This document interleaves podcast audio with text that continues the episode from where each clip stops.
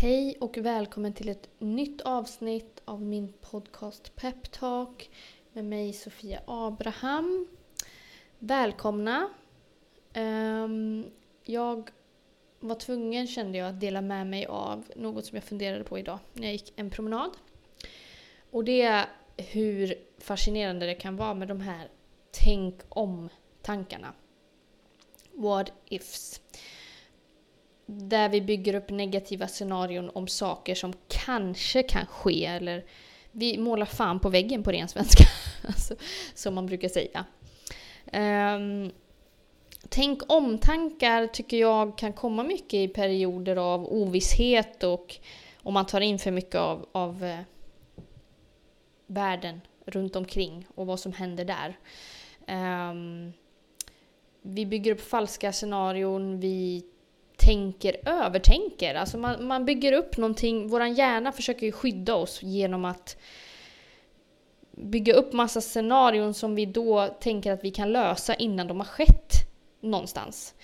Um, men de här scenarion som, dessa scenarion som vi bygger upp, tänk om det här händer. Tänk om hon säger så, han säger si.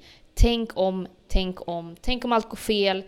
Tänk om någon hatar mig. Tänk, alltså allt det här.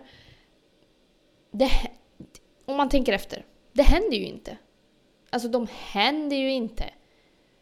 Och gör de det så hjälper det inte att du har tänkt på dem innan. För då händer de ändå. alltså så.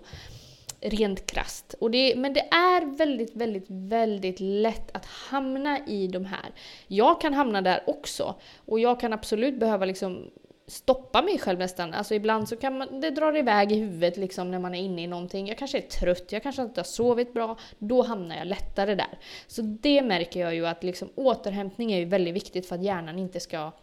Det känns lite för mig, för mig själv då som att är jag trött, är min hjärna trött så kan den inte riktigt hantera små saker de här sakerna som inte är ett problem annars. Men då, då blir de här små sakerna väldigt stora.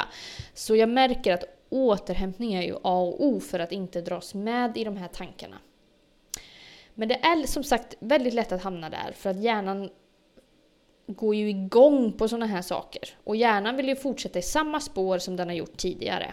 Om man har en tendens att liksom tänka så. Um, och det handlar, tror jag, om att vi försöker förutse framtiden. Vi försöker kontrollera vår framtid. Och det kan vi ju inte riktigt. Vi kan kontrollera vår vibration, vi kan kontrollera hur vi skapar vårt liv, vilka vägar vi väljer att ta. Men that's it! Det är ju det vi kan kontrollera. Och vår fokus och vår vibration, det är vad vi kan kontrollera. Men att gå runt och tänka negativa tankar om scenario och situationer som inte har hänt än, det förstör ju din nuvarande vibration. Och det förstör ju också vad du attraherar in någonstans och hur din livskvalitet ser ut helt enkelt. Så att istället för att tänka tänk om det här, tänk om det här, tänk om det här händer. Försök fokusera på att what if up tankar kallas det. Från en författare jag läste om. Um, han sa att what if up thoughts är någonting som man ska verkligen embracea. Och det handlar ju om att vända de här att okej, okay, Tänk om det här går åt helsike. Men när man känner då att så här, ah, okej okay, fasen, nu tänkte jag så liksom. När man har lärt sig att någonstans identifiera att de här tankarna kommer. För man måste identifiera dem också. Alltså, annars så kan du inte, annars så bara fortsätter du. Du måste någonstans ha den sinnesnärvaron att du, att du kan observera dina tankar. Och därigenom bryta mönstret. Så att om jag då tänker att nej, Tänk om mitt nya företag går åt helsike. Att så här, nej men vänta lite nu. Tänk om det blir allt jag någonsin drömt om. För båda scenarion är ju, är ju lika troliga. Att stoppa sig själv, det, då kallas det att det är en what if up thought. Då är det tänk om det blir bättre än någonsin. Tänk om det här är det bästa jag har gjort i hela mitt liv. Tänk om det här öppnar dörrar som jag aldrig trodde skulle kunna finnas i mitt liv. Det är en what if up thought. Och det är väldigt bra att tänka. Varför ska jag inte bygga upp scenarion där det blir så bra som det bara går? Varför Varför ska jag förutse att det är tänk om dåliga saker händer? Varför ska vi göra det? Det undrar jag verkligen. Och det är så många människor som har en tendens att göra det. Och det kan bli tokig på. och jag är ändå inte bäst, liksom bäst på det själv. Men um, vi förstör vår tillvaro, vi förstör vad vi attraherar, vi förstör våra dagar. Alltså vi, för, vi förstör genom att tänka så. Och det är någonstans allas ansvar, allas eget ansvar. Att stopp, stopp, stopp, stopp. Vad händer med mina tankar nu? Att kunna stoppa sig själv, att kunna ha den närvaron och det kräver också att du är i nuet. Du måste kunna vara i nuet. Vi lever så himla mycket både bakåt i tiden, vi klandrar oss kanske för våra misstag som vi gjorde för tio år sedan, men också framåt i tiden. Vi oroar oss för framtiden, vi oroar oss, oroar oss, oroar oss för allting som kanske kommer. Men som med all sannolikhet till 99% inte kommer komma. Men vi måste lära oss då, tycker jag, att vara i nuet. För om du är i nuet och stoppar dig själv och tänker okej, okay, men vet du vad? Just här och nu så är allting bra. Då har du lättare att identifiera de här tankarna som är att bygga upp scenarion om dåliga saker i framtiden. Men du behöver vara i nuet för att kunna det. Och det allra lättaste sättet som jag tycker funkar varje gång när man vill vara i nuet, det är ju djupa andetag. För de tvingar dig någonstans att stanna upp. När du andas djupt så visar ju du för ditt nervsystem och din kropp att jag är trygg. Jag är trygg här. Jag behöver inte oroa mig. Det är vad du sänder ut till, kroppen, till hjärnan, till dina celler, till hela ditt system liksom. Um, och det är så viktigt. Och det är ett sätt att vara i nuet. Ett jätteviktigt och egentligen jätteenkelt sätt att också stoppa de här tänk om-tankarna. Vi behöver tänka uppåt mot ljuset. Det tänker jag ofta på när jag är ute på en promenad. De flesta går ju bara kolla ner i marken. Det blir som en tung energi, alltså man dras ner nacken framåt, man stirrar i, i marken. Jag brukar liksom vara så här titta uppåt, uppåt mot ljuset, mot trädkronorna och mot liksom det fantastiska, mot himlen. Det, det, det, blir, alltså bara en sån liten sak blir en skillnad. Jag tycker att man liksom energimässigt verkligen öppnas av det. Och det är också fascinerande. Det är såna här små, små, små justeringar som man kan göra som faktiskt funkar. Och det kan låta jättetöntigt för någon som inte tror på att liksom om du är negativt lagd skulle jag vilja säga. Men då är det ju din förlust. alltså så. Um, det handlar om att liksom öppna kroppen. Sjunk inte ihop framåt. Nu visar jag här men det är ingen som ser. Um, utan liksom bak med axlarna. Ta för dig av ditt space och liksom se ljuset. Se ljuset. För det finns. Jämt. Men du måste välja att se det. Um, och de här tänk om-tankarna, de, de grundar sig ju i det här jag har sagt nu flera gånger. Det grundar sig ju i en rädsla.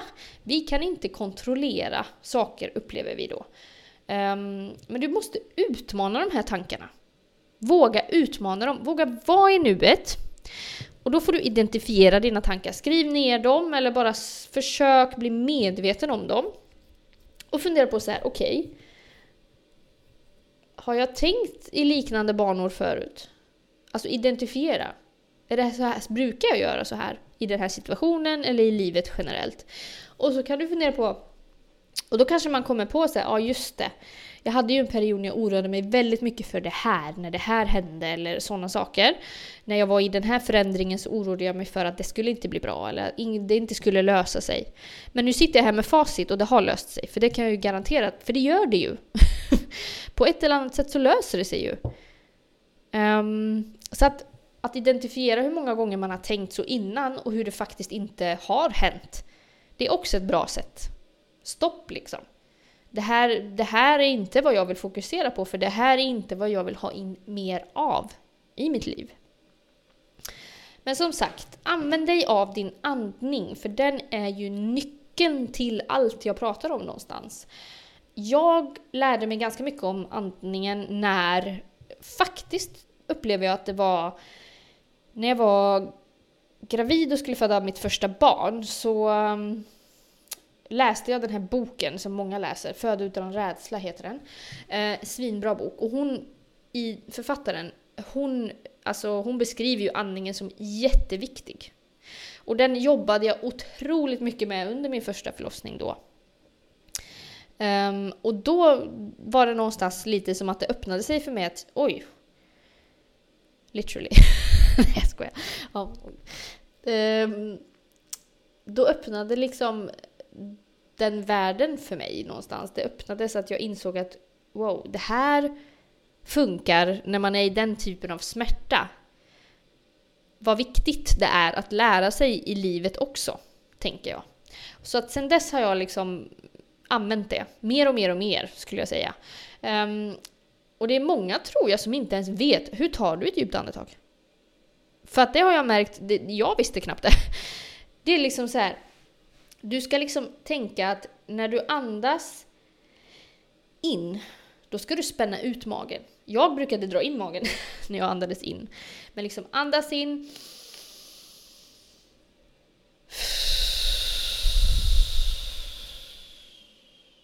Andas in ordentligt med näsan. Spänn ut magen så att du fyller magen med luft. Och när du tänk dig en ballong. Liksom. När du tömmer en ballong på luft, då trycks den ihop. Så trycker du ihop magen och se till att verkligen ta ett långt andetag ut, för då tömmer du verkligen lungorna på luft. Och gör tio sådana. Alltså testa, man blir ju snurrig i huvudet för att så upptrissade är vi liksom generellt. Och jag brukar försöka att göra det liksom morgon, middag, kväll eller när jag behöver det. Det är liksom en bra hälsosam rutin tycker jag. För att få kroppen att veta att, vet du vad? Du är safe. Det är lugnt.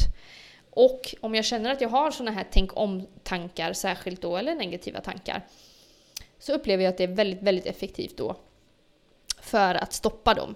För att man hamnar i någon typ av clear space. Um, sen tycker jag också att om man har en tendens att hamna i de här, att rörelse är ju generellt bra. Alltså sätt på en god låt, dansa lite.